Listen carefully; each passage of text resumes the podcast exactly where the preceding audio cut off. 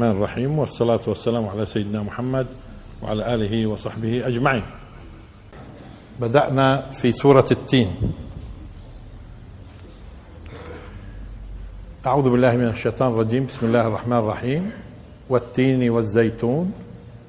قلنا أنه هذا القسم بالتين والزيتون. التين الشجرة المعروفة والزيتون الشجرة المعروفة.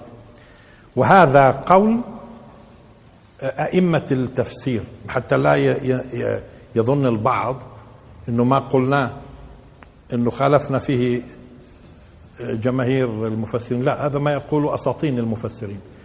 ونحن لم نقبل من يزعم أنه القسم بالتين هو قسم بموقع اللي تزرع فيه التين سواء كان فلسطين أو غيره كذلك الزيتون. و ومش صحيح يقدر محذوف وهو رب التين والزيتون. لا ما عليه أهل التفسير والصحابة أقصد زي ابن عباس وكبار التابعين إنه التين يعني التين الزيتون يعني الزيتون.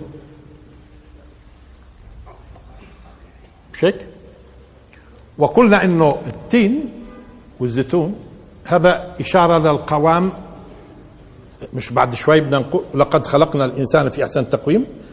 الانسان الإنسان في كليته سواء كان الجانب المادي أو الجانب النفسي فيما فيما يتعلق بالعقل والروح والتفاصيل كلها. اذا في قوام جسدي في قوام مادي في قوام معنوي يتعلق بالنفس البشرية. اذا التين والزيتون قلنا هون لابد من المسلمين إنهم يركزوا هون ويدرسوا ويشوفوا شو علاقة شجرة التين والزيتون في القوام المادي. والسورة اسمها التين. وبدأ فيها القسم بالتين ولذلك بعض الأخوة من عندهم تخصصات قالوا بدنا ندرس هذا الكلام في موضوع التين والزيتون وعلاقته بالقوام المادي. وطور سينين. قلنا إنه هو الطور مقصود فيه في القرآن كله عشر مرات ورد تقريبا الطور مقصود فيه طور سيناء أو طور سيناء طور سينين. وتحدثنا في سين سيناء وسيناء وسينين في المرة الماضية. وإن كان البحث يعني له إن شاء الله صلة في المستقبل. ليش سيناء وسينين إلى آخره؟ إحنا لف... في المرة الماضية لفتنا الانتباه على وجه السرعة على أنه درس التفسير بيحتملش نخوض في اللغات القديمة ومعنى سين وإضافة الألف والهمزة سيناء وسينين إضافة الياء والنون. أشرنا إشارة سريعة. ولكن قلنا أنه الطور هو غالبا مش الجبل فقط وإنما الجبل المغروس بالشجر والخضرة. ويبدو يبدو أنه سمي طور. ليش بسموه طور؟ لأنه يختلف أحواله أطواره من من فصل لفصل في طور من الأطوار بيكون أخضر طور آخر أخضر ومزهر طور آخر طور آخر مش هيك؟ حسب الفصول. ومن هون يبدو إنه الجبل اللي فيه بيكون غرس يسمى طور. بس هون كونه يلفت الانتباه لطور سنين بالذات. هون إذا بتلاحظوا هون في قوامين. في موضوع الطور في قوامين. القوام المادي لأنه هو الطور الجبل اللي فيه الخضرة ومنها الشجر وفي آية قال الله سبحانه وتعالى بشكل لافت للانتباه وشجرة تخرج من طور سيناء تنبت بالدهن وصبغ للآكلين يعني تصوروا لما الله سبحانه وتعالى تحدث إنه نزل الماء فأخرج به جنات من نخيل وأعناب وإيش أخرج؟ وشجرة يعني خاصة بآية لحالها وشجرة تخرج من طور سيناء أو سيناء تنبت بالدهن وصبغ للآكلين. وإن كان هذه الآية مش موضوعنا الآن نفسرها ولعله إن شاء الله في المستقبل نشوف شو ممكن يكون فيها أسرار وخصوصا اللي بيلفت الانتباه في هذه الآية إنه شجرة تخرج أولا نكرها هل هي الزيتونة أم شيء ثاني؟ ويبدو أنه لها علاقة بالقوام المادي بشكل متفوق على كل النبات. اولا قال تخرج والفعل المضارع يدل على الاستمرار. لم يقل خرجت حتى نقول أصل نشأة الشجرة هذه من طور سيناء بالذات. آه، تخرج. إذا هي عملية استمرارية. والعجيب أنه قال تخرج مش قال تخرج في آه، تخرج من. وهذه ملفتة للانتباه. وشجرة تخرج من طور سيناء بالذات طور سيناء. مع أنه سيناء كلها ضخمة طور سيناء. تنبت بالدهن واللافت استخدام الباء تنبت بالدهن. بشكل وتنبت بصبغ وصبغ للآكلين. فإذا كان الدهن بيدهن في الجلد فالصبغ للآكل صبغ للآكل. وهذه سبق أنه تحدث فيها البعض. عن قضية إعجاز علمي في موضوع الصبغ للآكل مش للمدهن وصبغ للآكلين. بس هذه مش موضوعنا الآن. بس واضح الإشارة إليها في قضية طور سي طور سيناء. معناته والتين والزيتون وطور سينين. طور سينين آه، طبعا آه، طبعا هو أول ما بده يلفت انتباهك موضوع التوراة. والملفت في آه، في في الدين في مسألة الطور طور سينين اللي هو الجبل هذا اللي اللي سماه طور لأنه مغروس ولدي وفيه شجر وفيه شجر فريد وشجره تستمر بالخروج إلى يوم القيامة للبشر فوائد فيها لها علاقة بالقوام المادي. هذه هذا الطور. عندما كلم الله موسى عليه السلام كان عنده الطور. عندما أوحى أعطاه الألواح عنده الطور. لما واعدوا أربعين ثلاثين يوم بعدين زادها عشرة صار أربعين. عنده الطور. ولما اختار موسى قومه سبعين رجل لميقات للميقات كان عنده الطور. طور. آه ما هو في البداية آنس من جانب الطور نارا. له خصوصية هذا المكان. إحنا سبق قلنا أن الله سبحانه وتعالى جعل هناك أزمان لها خصوصية. ليلة القدر رمضان الجمعة. أماكن لها خصوصية مكة المدينة الأقصى الجنة مش هيك البيت المعمور أماكن لها خصوصية أحوال أحوال لها خصوصية. أقرب ما يكون العبد إلى ربه وهو ساجد. لذلك أكثروا من الدعاء أثناء السجود لأنه أقرب ما تكون. آه، آه، مثلا المسافر المريض آه، تقبل دعوته الصائم مش هيك أحوال. أحوال بتكون الإنسان أقرب إلى الله سبحانه وتعالى. شو يعني أقرب؟ وشو يعني عندية الإنسان عند الله؟ يعني أقرب يعني تجليات الله سبحانه وتعالى خلقه بالنعم والفيوضات في هذه الأماكن وهذه الأوقات وهذه الأحوال. ولذلك لما قالت زوجة فرعون رب ابن لي عندك عندك. يعني بيتا وين عنده؟ في الجنة. إذا الجنة عنده عنده. إيش يعني عنده؟ يعني أعظم تجلياته تكون في الجنة. تجليات الله وفيوضاته وإنعامه على عباده. فإذا خصص أماكن خصص أزمان أوقات أشخاص زي الرسل والأنبياء. مش هيك؟ مش أشخاص رسل وأنبياء. طيب والطور فيه فيه القوامين إشارة للقوام المادي والقوام المعنوي النفسي الجانب لأنه الإنسان الإنسان بالدرجة الأولى مش الجسد. الإنسان بالدرجة الأولى مش الجسد. الإنسان هذه القوة المدركة عفوا الوجود المدرك هذا الوجود المدرك اللي لحد الآن العلماء بيحاروا فيه إيش هو؟ إيش إيش يعني إيش الإدراك؟ وما بالك يعني العلماء بيعرفوا إيش الإدراك؟ ما أحد يدري ما هو الإدراك. والحياة ما هي الحياة؟ هم بيدركوا مظاهر الحياة بس كيف يعني؟ كيف بتصير؟ لا قادرين يصنعوا حياة ولا قادرين يصنعوا إدراك. بشكل آه هذه أسرار. والإنسان بالدرجة الأولى هو الإدراك. البدلة هاي بدلة هاي بدلة الجسد هي بدلة نعيش على الكرة الأرضية. لقد آه والطور سنين وهذا البلد الأمين اللي هو قلنا أنه مكة وأمين هي صيغة مبالغة من قضية الأمن. آه ف والتين والزيتون وطور سينين وهذا البلد الأمين اللي هو إيش؟ قلنا أمين هون صيغة مبالغة من الأمن. آه ف وقلنا إنه الأمن فيه الأمن فيه وظيفة. والأمن موهوب له من الله ولذلك بتلاحظوا قصة آه، آه، آه، الفيل. وألم ترى كيف فعل ربك؟ وقلنا إنه كان ابرهة الأشرم لما جاء لهذا المكان اللي هو مش آمن فقط بل أمين. أمين حتى على الدعوة. هو جاء لإيش أبرهة؟ جاء لمجرد إنه يعتدي على الناس؟ لا وجاء من أجل أن يغير الوظيفة. هو بده بنى كنيسة في اليمن وبده يهدم الكعبة مشان يصير التوجه لليمن. آه، بده يلغي الوظيفة. فك فالله سبحانه وتعالى تحدث عن هذا وتحدث في سورة قريش. عن آه، آه، فليعبدوا رب هذا البيت. لأنه الأساس إيش؟ هذا البيت. الذي أطعمهم من جوع وآمنهم من خوف.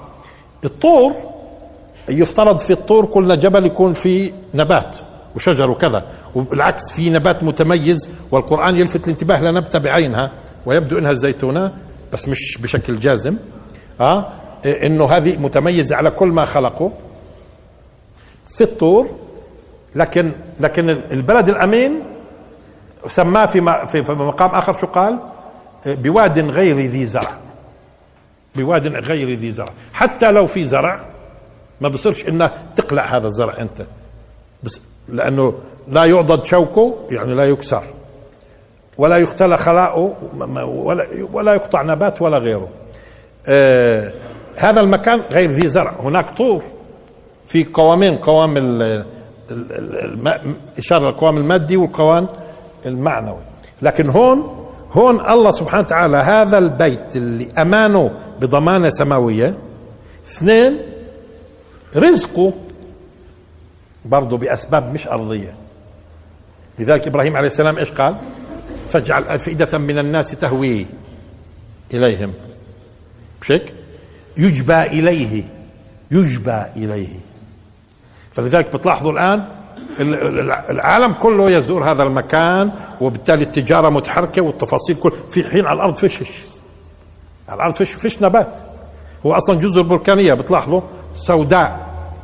طيب وهذا البلد الأمين. طيب لقد خلقنا الإنسان في أحسن تقويم. أحسن تقويم. قلنا على مستوى التقويم المادي هو الإنسان في أحسن من أي باب. في أحسن تقويم من جهة القيام بالوظيفة في وظيفة دنيوية في وظائف أخروية. فمتى يكون أحسن؟ عندما يكون يحقق الهدف والغاية. يعني فالله خلقنا في الدنيا مثلا من موت لازم نموت فبالتالي جعل في هرم وفي شيخوخة. مع, ذلك أحسن تقويم بالنسبة لهاي الوظيفة. لأنه أنت في النهاية بتموت. بشك؟ في الق... يوم القيامة في... في يوم القيامة بيحصل تعديل على هذا القوام ليتلائم مع الوظيفة الأخروية. ليت... لذلك بصير في خلود. بصير الزمن غير مؤثر. بشك؟ الزمن غير مؤثر. آه آه إذا شو معنات أحسن تقويم؟ بالنسبة لي آه، آه، آه، الهدف الدنيوي الغاية الدنيوية من خلق الإنسان في الدنيا. طيب؟ طب أي تقويم؟ تقويم مادي ولا تقويم نفسي عقلي؟ اثنين. يعني شو معنات إنسان. مش اثنين. معناته اثنين. وسبق لفتنا الانتباه لو بدك تدرس القوام البشري هذا وما فيه من إبداع آلاف المجلدات ما تكفي. ولذلك بنجد اليوم في تخصصات في الطب مثلا. صارت تتخصص أكثر وأكثر وأكثر وأكثر وأكثر وأكثر وأكثر. وبدرسوا سنين. ويا دوب يوصل الإنسان في معرفة الأسرار. مش هيك؟ هذا بس مشان يعالج يشخص ويعالج بس. ها؟ آه هذا الكيان الهائل لا شك إنه جسديا في أحسن تقويم وعلى مستوى العقلي ها؟ وكيف مخلوق الإنسان وكونه إنه مخلوق برضه ناطق يتكلم وعنده لغة وينقل هذه اللغة للأجيال وتفاصيل طويلة. آه، في أحسن تقويم ثم رددناه أسفل سافلين.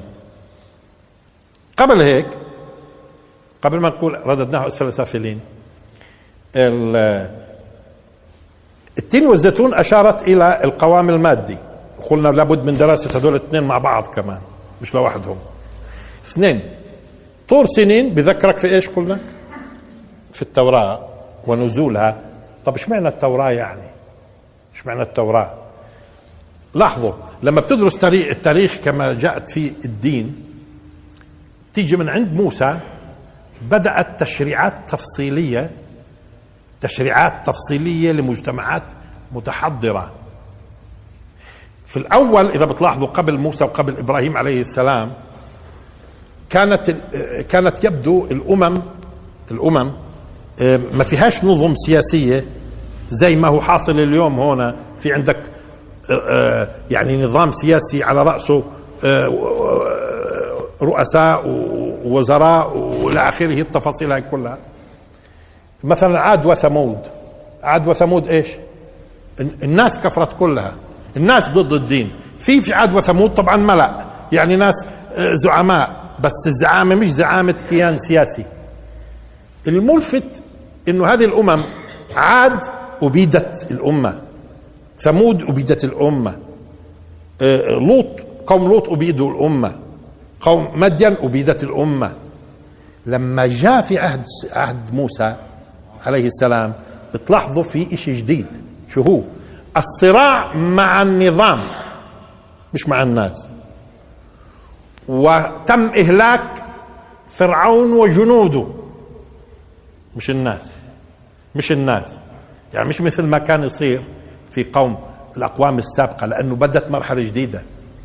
بموسى عليه السلام كان معالم مرحلة جديدة. هذه المعالم كانت بداياتها من أيام إبراهيم عليه السلام عم تتبلور. بدت الأمم تكون أكثر وعي أكثر تحضر. ديروا بالكم هو كل ما تقدمت الأمم كل ما كانت أصلح. أصلح. كيف أصلح؟ لأنه شجرة البشرية كانت تتقلم تتقلم تتقلم تتقلم حتى كانت أفضل أمة اللي هي أمة الرسول. وبنقصد بأمة الرسول مين؟ أمة الدعوة وأمة الإجابة. شو يعني أمة الدعوة؟ كل البشر من بعد الرسول. آمنوا ولا لم يؤمنوا؟ وأمة الإجابة اللي استجابوا وآمنوا. هدول كلهم أم هذه الأمة محمد خير الأمم كلها عبر التاريخ كله. لذلك اليوم حتى الكفار في هذه العصور في عندهم ذوق وفي أدب وفي وفي وفي وفي وفي, وفي. لما تيجي تقيسهم بقوم لوط من أول ما أجى عنده ضيف ها وإذا بهم جايين مظاهرة. ولكم يا جماعة شو هذا؟ شو هذا؟ هذا بصير اليوم؟ آه. انت ملاحظين جاي الضيف ذكر ذكر أخرى. ها؟ إيه إيه بيحاوطوا البيت وجايين مظاهرة يزفون. ها؟ شو القصة؟ ضيفك. إيش هذا؟ ولكم تخزونيش يا جماعة أيوه أنتم احمدوا الله ما عشتوا في هذيك الأيام اللي كانت الأمم فيها. ها؟ وكانوا لما بيحتلوا بعضهم البعض تنتهك الأعراض وتقتل الناس ويستعبدوا ويستعبدوا طب آه فانتم جيتوا في أفضل العصور حتى حتى الكفار.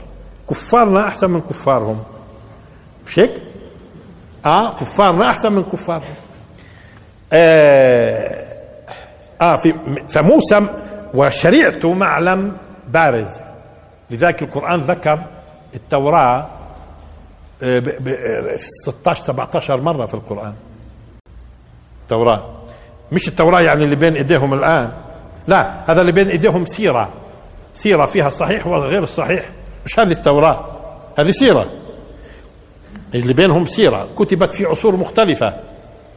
مش هيك؟ آه آه التوراة إذا هي جت نور وهدى وفرقان.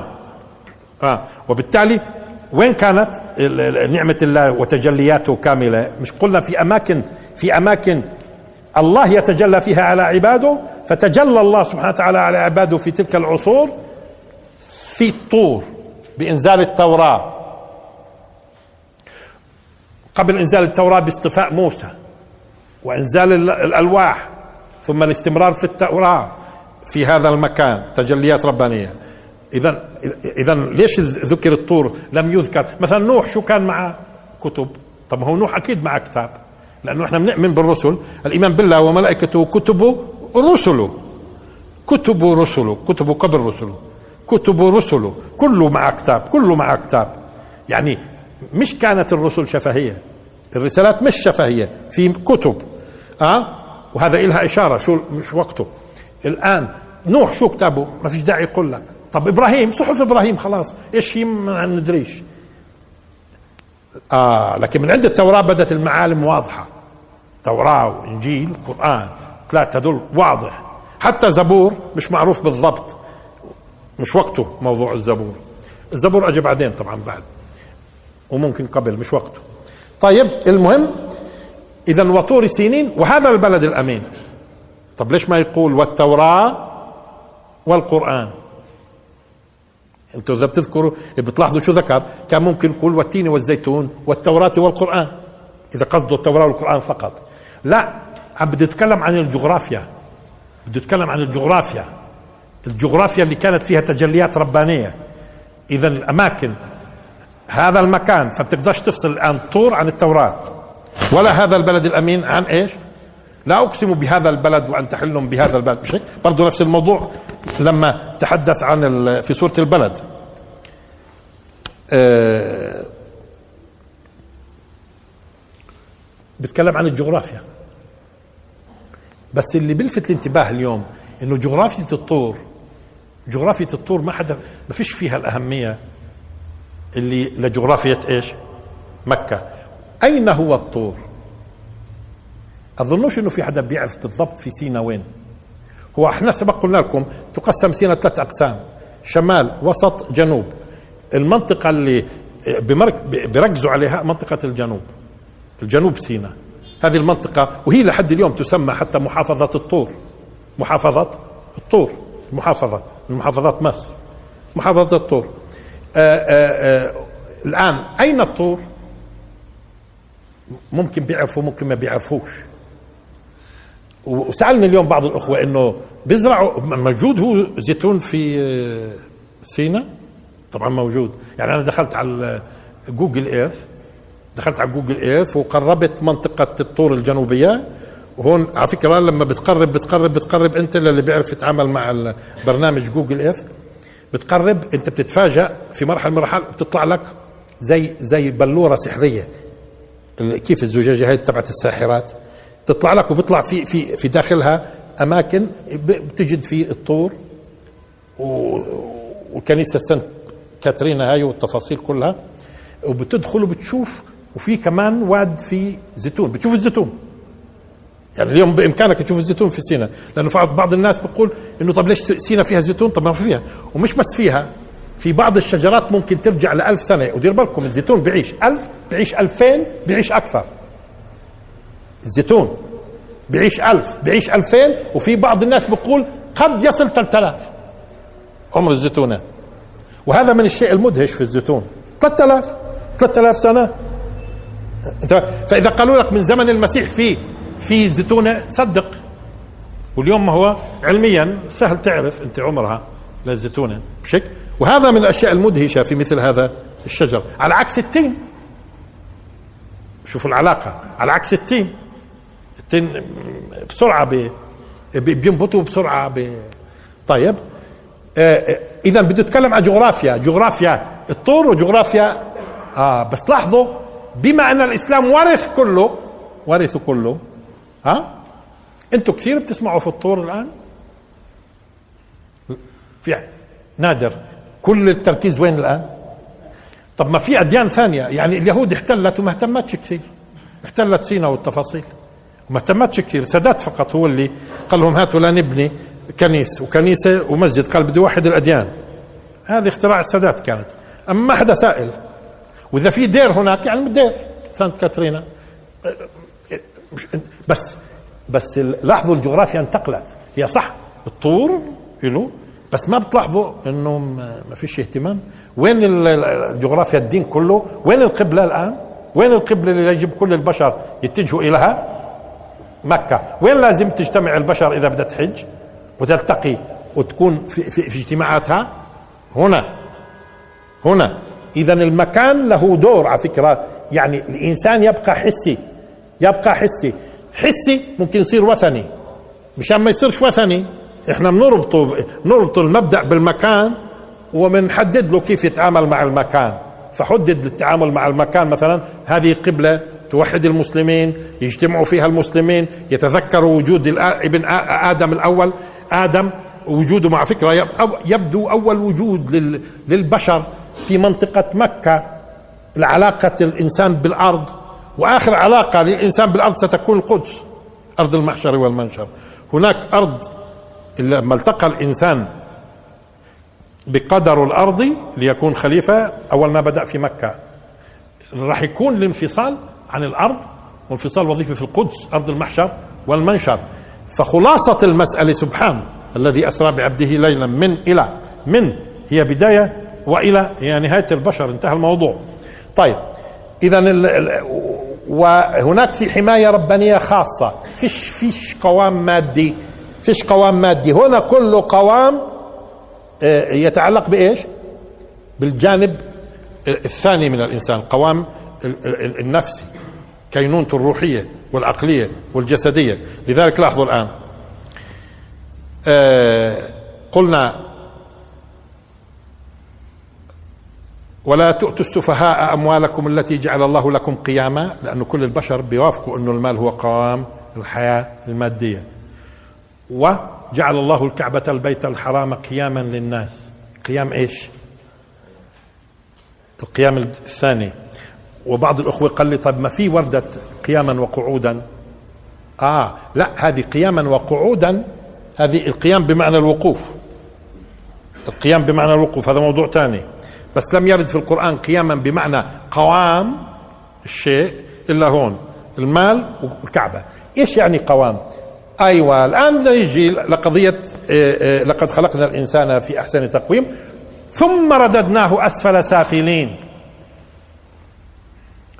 إذا الإنسان ابتداء مخلوق في أحسن تقويم ليؤدي وظيفته الأرضية جسديا ونفسيا وعقليا وروحي في أحسن شيء.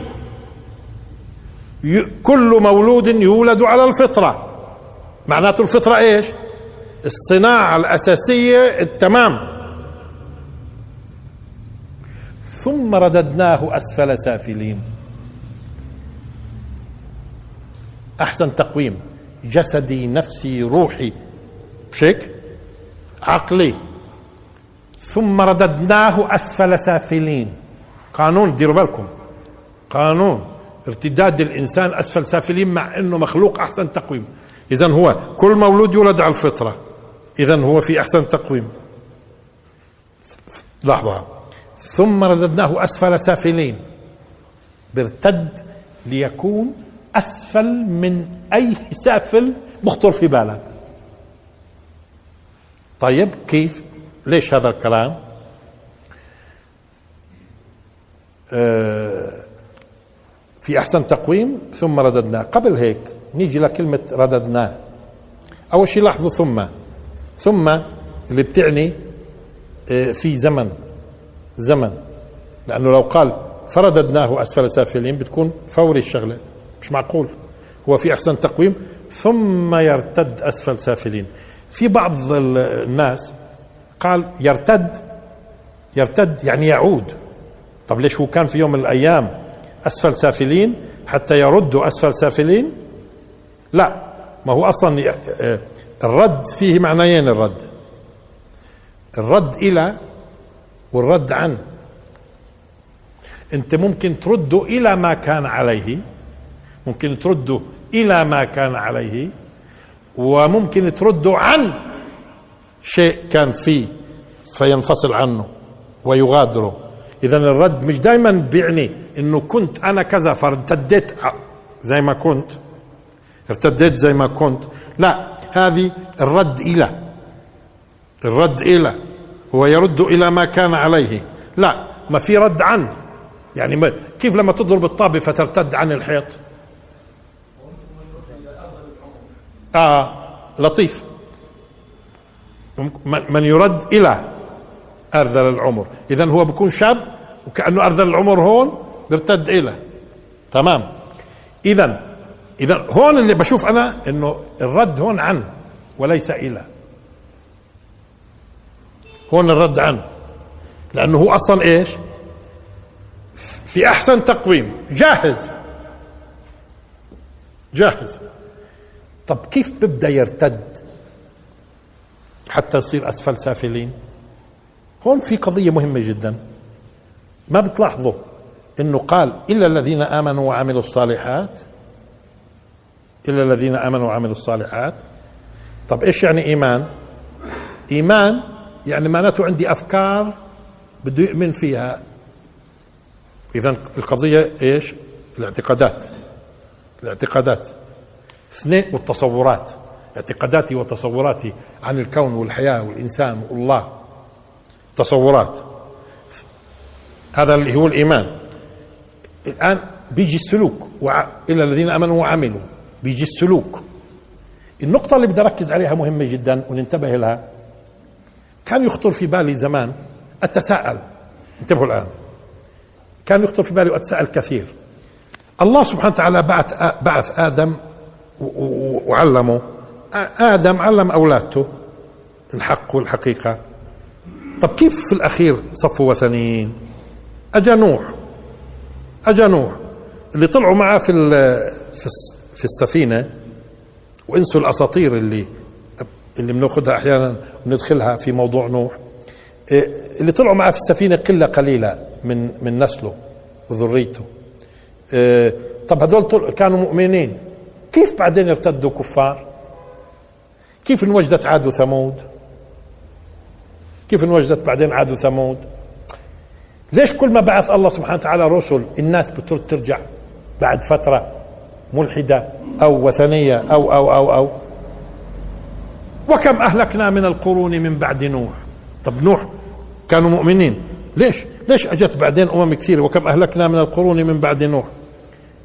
ليش بترتد الناس للوثنية؟ ليش بترتد للوثنية الناس؟ الناس أيوة. سؤال. حتى نعرف. يبدو أنه السر في هذه الآية. آه ليش؟ ليش؟ يبدو المسألة متعلقة بهذه الآية. قبل هيك هل قد قولوا لي مش الجسد في أحسن تقويم فيما يتعلق بوظيفته الدنيوية؟ طب لو ما أكلش وما شربش؟ شو بصير فيه؟ لو ما أكلش وما شربش؟ بتهاوى وبتحلل تمام؟ إذا القوام الجسدي ما أكلش ولا شرب بده يتهاوى ويتحلل.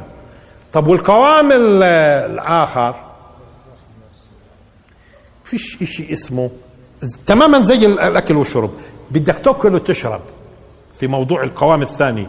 ما أكلتش وما شربتش تتهاوى. اللي هو إيش؟ اللي هو يبدو من أول يوم. في اتصال مع الإنسان ما هو آدم نبي. من أول يوم.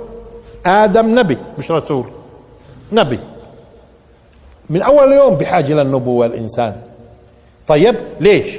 لأنه قوامك الثاني اللي هو شو بدنا نسميه؟ في عندنا قوام جسدي مادي وقوام نفسي روحاني عقلاني. مش هيك؟ إدراك. طب شو بيلزموا هذا؟ بيلزموا بيلزموا برضه وقود. مثل ما الجسد بده وقود للبقاء وما يتهالكش. النفس بدها وقود بدون هذا الوقود لاحظوا بدون هذا الوقود ترتد أسفل سافلين كقانون. يعني مستحيل إلا تنحرف مستحيل إلا تتدلى مستحيل إلا تنحط. زي الجسد ما باكلش ما بشربش بيبدأ يتهاوى ويذبل. ونفس الشيء.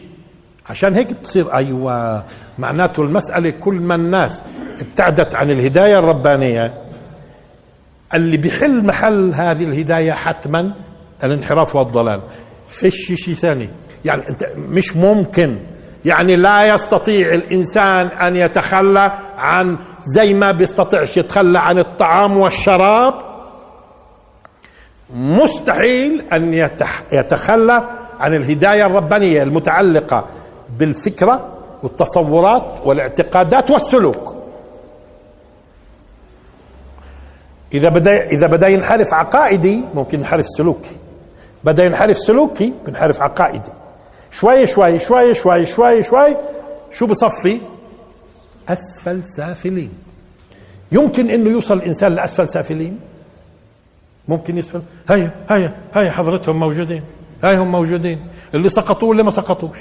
اللي سقطوا واللي ما سقطوش كلهم أسفل سافلين لأنه شو عملوا لاولادهم كيف أمنوا شعوبهم شو يعني أمانة حاملينها في رقابهم وما بيعرفوش يناموا آه. آه. آه. إذا اذا الإنسان لاحظوا معناته الإنسان مثل ما إنه القوام المادي يحتاج إلى أكل وشرب معناته القوام الثاني إذا ما كانت تصوراته وفق ما الله قال. لأنه من أول يوم بدهم أنبياء الناس. اثنين إذا ما كانت سلوكياته زي ما الله قال بيصير ينحدر. الآن سؤال لكم. أعطوني امه واحدة قديما وحديثا بعدت عن منهج الله وصعدت. مش تقولوا لي صعدت في الفيزياء والكيمياء والصواريخ والآلات؟ هذا موضوع ثاني هذا مش اختصاص الدين. أقصد في القوام القوام الايش النفسي بنية اجتماعية العقلي التفاصيل. أعطوني الآن أمة من الأمم بعدت عن منهاج الدين وصعدت. أمة واحدة وصعدت. يعني أبعدت عن منهاج الله والأسرة عندها متينة. أبعدت عن منهاج الله والجرائم ما عادش في جرائم. أبعدت عن منهاج الله وما انحرفتش وصار عندها شذوذ. انحرفت عن مناهج الله وما صارش في ظلم اجتماعي. مش تقولوا لي أمريكا فيش فيها ظلم اجتماعي؟ لا. نصف المية من الشعب الأمريكي بيمتلك تسعين في المية من الدخل القومي. يعني شوي شوي عم بتحولوا لعبيد. عبيد عبيد. عبيد بس إيش؟ عبيد مرفهين. عبيد مرفهين شوية. ها؟ خمسة في المية. من سكان الولايات المتحدة بيمتلكوا تسعين في المية من الدخل القومي. ولقدام شوي. أنتم بتذكروا لما أنا كنت في المحاضرات أقول في يوم من الأيام سبعة ونصف المية من الشعب الأمريكي بيمتلك تسعين في المية من الدخل القومي. ثم في المحاضرات الثانية صرت تسمعوا إحصائيات. خمسة ثلاثة عد تنازلي ها؟ هلكت هلكت نص في المية بيمتلك تسعين في المية من الدخل القومي. هذا في الشعوب أعطوني اذا المدينة الفاضلة اللي بحثوا عنها قال من أيام أفلاطون ها؟ وينها؟ وينها؟ كنتم خير أمة أخرجت للناس. يعني عن طريق صناعات ومش هذا موضوع ثاني الصناعات. هذا خصوص مش لا أنت بدك توجد الإنسان والمجتمع الصالح الإنسان والمجتمع. لذلك بدون ما يكون في تصوراتك وفق ما قال الله بالضبط وسلوكك على ضوء هذه التصورات مستحيل إلا ينحدر. يسفل سافلين. يعني أنا قابلت ناس مرات بقول لك اثبت لي وجود الخالق. الله أكبر. أثبت لك إيش؟ وجود الخالق. هذا أسفل إيش هذا؟ هذا أسفل إيش؟ اللي بيوصل لهذه الدرجة. حكيت أوروبا قال نسبة اللي بيؤمنوا 30% 35% بيؤمنوا. هو هالمجتمع هذا؟ بيؤمنوا بخالق. طب ليش عايشين؟ واحدة منهم هذول الصحفية غربية أوروبية. قلت لها أنت فهميني ليش عايشة؟ تفاجأت في السؤال يعني آه احكي يا أختي. خل عايشة. طب ليش؟ مشان شو يعني؟ يعني الدافع اللي بيخليك تظلك مستمرة إيش هو؟ ليش ما تنتحري؟ آه هذا طبعا أنا ليش قلت هذا الكلام؟ كان في في مرج الزهور شو قالوا؟ قالوا إحنا لو كنا محلكم ننتحر لو كنا محلكم ننتحر. فهم مندهشين ليش إحنا بنضحك وكذا وإشي عادي ولا كأنه صاير إشي. فهم استغربوا. قالوا يعني لا إحنا محلكم ننتحر. فهاي فتح الباب لقضايا. مشان نفهمهم ليش إحنا ما ننتحرش إحنا فاهمين أصلا. ليش بنعيش فاهم ليش بنعيش فاهمين؟ ليش بنضحي فاهمين؟ إيش القيم فاهمين؟ ليش بنموت كمان فاهمين؟ والتفاصيل هاي كلها فاهمينها. يعني من إيش بدنا نخاف؟ على إيش بدنا نقسى؟ التفاصيل هاي كلها. مش هيك؟ آه أما هم ليش عايشين؟ للاكل والشرب والشهوة. طب وإذا هالشهوة هاي انقطعت وإذا كذا الاخره وإذا أفلست بعد ما كنت غني بنتحر ولا في أسهل منها. بطخ حاله خلاص. ها؟ تفاصيل طويلة تفاصيل طويلة. اذا الإنسان فيش إشي اسمه إنه إنه إنه إنه يا لحظة. يا بيحافظ على كينونته في أحسن تقويم وبيصعد يا بينزل فيش فيش حل ثالث. ولكن قضية نزوله وصعوده مثل صعود والنزول هذا الصعود والنزول هذا على قد ما بيكون هو يعني بيبني والنزول على قد ما بيهدم. أن نرجع لموضوع اللي بيقولوا آه، آه، آه، الخالق. هون بدي أستطرد شوية صغيرة بس في موضوع واحد في موضوع واحد. دائما لما بقرب صورة الصورة لبعض يعني الطلاب إنه إيش يعني خالق؟ إيش يعني خالق؟ بنقول لهم الخالق ثلاث صفات. خلينا نفهم ثلاث صفات الآن. قدرة إرادة علم. قدرة إرادة علم. بنقول لهم هيك. يعني بسأل طلابي مرات بقول لهم الريح. الريح عاقل ولا مش عاقلة؟ بقولوا لي الريح مش عاقلة. طبعا هذا الكلام مغامرة تقول لي مش عاقلة. إيش عرفك؟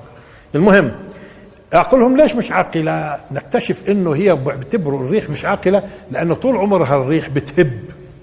والريح قدرة على فكرة قدرة. بتهب. بس عمرها كونت نظام؟ عمرها كونت الريح نظام؟ ما عمرها. خلص إذا مش عاقلة. إذا ليش هم بيفترضوا إنها مش عاقلة؟ لأنه إذا إذا الريح قدرة قادرة تسفي الأشياء وتذروها الريح. بس عمرنا ما شفناها بتبني نظام. طب وإذا بتبني نظام؟ أيوه. إذا في بناء نظام معناته في إرادة للقدرة إرادة وعلم. لذلك مستحيل يجي واحد يقول لك في يوم من الأيام اثبت لي إنه هذه اللوحة وراها فنان. ليش؟ لأنه هذا مش من الأشياء التي تثبت هذا من البديهيات لأنه شو معنات إثبات ودليل؟ في الأشياء غير البديهيه أما لوحة وراها فنان هذه البديهيات أما لوحة وراها قرد هذه بدها إثبات. مع إنه القرد عنده قدرة عنده إرادة عنده علم. بس قدرته ممكن إرادته ممكن بس ما عندوش العلم الكافي يرسم لوحة. خصوصا إذا لوحة مبدعة. مش هيك؟ فاذا إذا بوصل فيهم الأش إنهم يطلبوا دليل على البديهيات هذا مش أسفل سافلين؟ لذلك وإحنا صغار قال كنا نثبت للملاحدة وجود الخالق. بس كبرت أنا شخصيا. هي شو نثبت له؟ نثبت له إنه اللوحه وراها مه... آه، الفيلا وراها مهندس؟ هذه بدها إثبات؟ يعني إنه قدرة وإرادة وعلم هاي بدها إثبات؟ يعني القصيدة بدها آه، آه، بدها إرادة وعلم هاي بدها إثبات؟ في قصيدة شعرية مكتوبة إنه طالما مكتوبة معناته قدرة وإرادة. هاي بدها إثبات؟ هذه مش من القضايا اللي تسمى بدها هذه هذه بديهيات هذه أصلا العقل بيستوعبش إلا هي. العقل بيستوعبش إلا هي. الإثبات على نقيضها. الدليل على نقيضها مش عليها هي. ومع ذلك أنتم بتشوفوا في الحياة ناس قال لك اثبت لي وجود الخالق. في أسفل من هيك؟ في أكثر انحطاط من هيك؟ إذا البديهيه بدك عليها إثبات. معناته وين وصلنا؟ على مستوى الفكر بنلاحظ انحراف. بتيجي للاوروبيين في 70% منهم تؤمن بالخالق بقول لك لا. طب ليش شو بس أنا بطلب منك الخالق بديش الأديان. أنا ما بدي الأديان. هاي الأديان بدها إثبات. بدي الخالق. يعني قدرة إرادة علم. قدرة إرادة علم. موجودات في الخلق ولا مش موجودات؟ بدل إنه وراء هذا كله. يعني هالإنسان يعني لما بوقف الواحد فيه بيكون طبيب للأسف. بيكون طبيب وبيعلمك كيف كيف العين مبنية وكيف الانف والحنجرة ولا إيش الرئة ولا إيش الكبد ولا إيش البنكرياس ولا إيش كذا والغده الفلانيه والغده الفلانيه والتفاصيل كلها كيف بقول لك وين الخالق؟ إيش هو الخالق لك؟ مش إرادة وعلم. واراده وعلم وقدرة؟ هدول مش شايفهم أنت؟ طب ليش مش شايفهم؟ هي من بعض معاني إيش؟ أسفل سافلين هو ليش مش شايفه؟ طب هي بديهيات هاي. يعني هو على فكرة وهو ماشي في الشوارع وتنظيم المدينة والتفاصيل بيطلب لكش دليل. إنه وراها مهندسين وراها بلدية وإشراف وتفاصيل بيطلبش في في قدرة وإرادة بقول لك آه. طب إيش معنى في قضية الخالق بتصير؟ أيوه. رددناه أسفل سافلين. في فكره. أسفل سافلين. في فكره.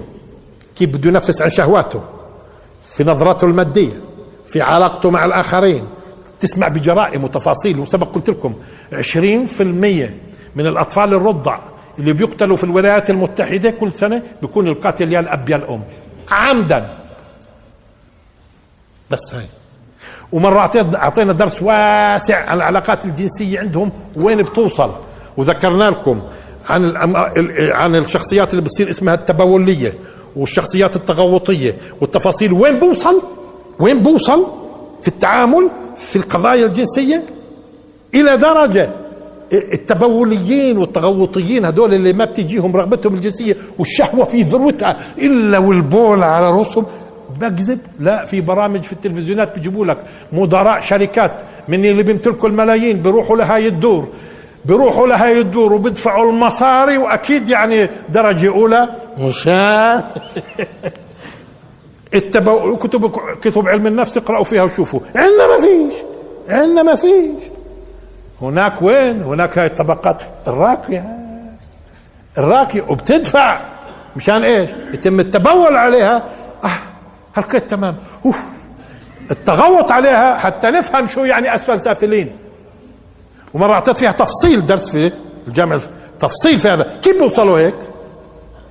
كيف بيوصل في الإلحاد إلى درجة يقول لك وين مش شايف؟ اللوحة وراها فنان مش شايف. الفيلا وراها موديل مش شايف. اثبت لي. كيف بيوصل في في العلاقات الجنسية إلى درجات لا يمكن تصورها؟ تغوط وتبول حتى تنبسط؟ وبتدفع مصاري كمان؟ وفي منهم بجلدوهم مسوشي وشو اسمه سادي. واحد بده ينضرب واحد بيضرب. بقول لك لازم ينجل. بروح بدفع مصاري مشان يجلدوه. كلهم هالكت تمام كل شيء تمام. أسفل سافلين. هاي من أمثلتها. أسفل سافلين. والعلاقات الاجتماعية والتفاصيل كلها والأب وعلاقته بابنه والابن بأمه والزوجة بزوجتها وإخلاص الزوجة لزوجها والزوج لزوجته والتفاصيل إيش بدي أقول؟ ما اليوم بنعرف عنهم منيح ولا هو ليش الناس بدت تبعد عنهم؟ الغرب مع إنه يعني متطور علميا كذا كشفناهم إحنا بنعرفهم كشفناهم بنعرفهم آه مش هم الغرب أي أي أمة بعدت عن الدين. أمة واحدة بس ارتقت أشوف بعيدة عن قيم الدين. هي أصلا خلص انتهى تفقد مسوغ وجودها. بدك تسأل كنت. على وصف أسفل آه. لأنه رجع رجعنا لهم التصورات الصحيحة. أجل دقيقة. أيوه. رجع لهم التصور الصحيح. اذا الإنسان ماله بيرتد اسفل سافلين بعد ما كان. اذا هل بالإمكان نرد نرجعه أيوه. آه رجع لهم التصور الصح يعني صحح تصوراتهم عدل من سلوكهم علمهم الممارسة فارتقى فيهم. وهون الإعجاز. الإعجاز في إيش؟ إنه مبادئ الرب مش بس مبادئ الرب تصلح إنها إنها تربيك وأنت في أحسن تقويم. حتى لو الإنسان انخفض في أسفل سافلين ممكن نفس الدواء الأولاني إنه يرتقي فيه ويرجع ويرجع. ومثل ما قال مع أنه الجاهلية كان لا تزال تأخذ من دين إسماعيل بعض القيم بس برضو كانوا منحطين في قيم ثانية يعني كانوا خالطينها. ما كانوش يعني منهارين زي أمم الهنود والفرس والرومان وهالتفاصيل يعني على القليلة على القليلة وجدت واحدة زي هند بنت عتبة تقول وهل تزني الحرة؟ كانوا يفترضوا الزنا في في الإماء وليس في الحرات. يعني لا يزال قيم ها. دير بالكم ما هم العرب انحرفوا 2000 سنة عدين إسماعيل وانحرفوا بس آخر 400 سنة. العرب 2000 سنة عدين إسماعيل وآخر 400 سنة بدأ الانحراف فيهم. شوي شوي. لو استمروا في الانحراف بصيروا زي الأمم الثانية. لأنه فرس مثلا كانوا واصلين إلى الدرجة إنه الر... إنه كسرى تزوج بنته. كسرى تزوج بنته. أكثر من هيك؟ هذا العربي ما يمكن يقبلها كان. ما يمكن يقبلها العربي غير الشهامة والكرم والتفاصيل اللي كانت مع جاهلية في مسائل اجى عدل له سلوكه ارتقى فيه. آه وهو إذا ما كانش الإسلام بيرتقي بالإنسان حتى لو منحط. بس يسلم نفسه. وآخر دعوانا الحمد لله رب العالمين وبارك الله فيكم.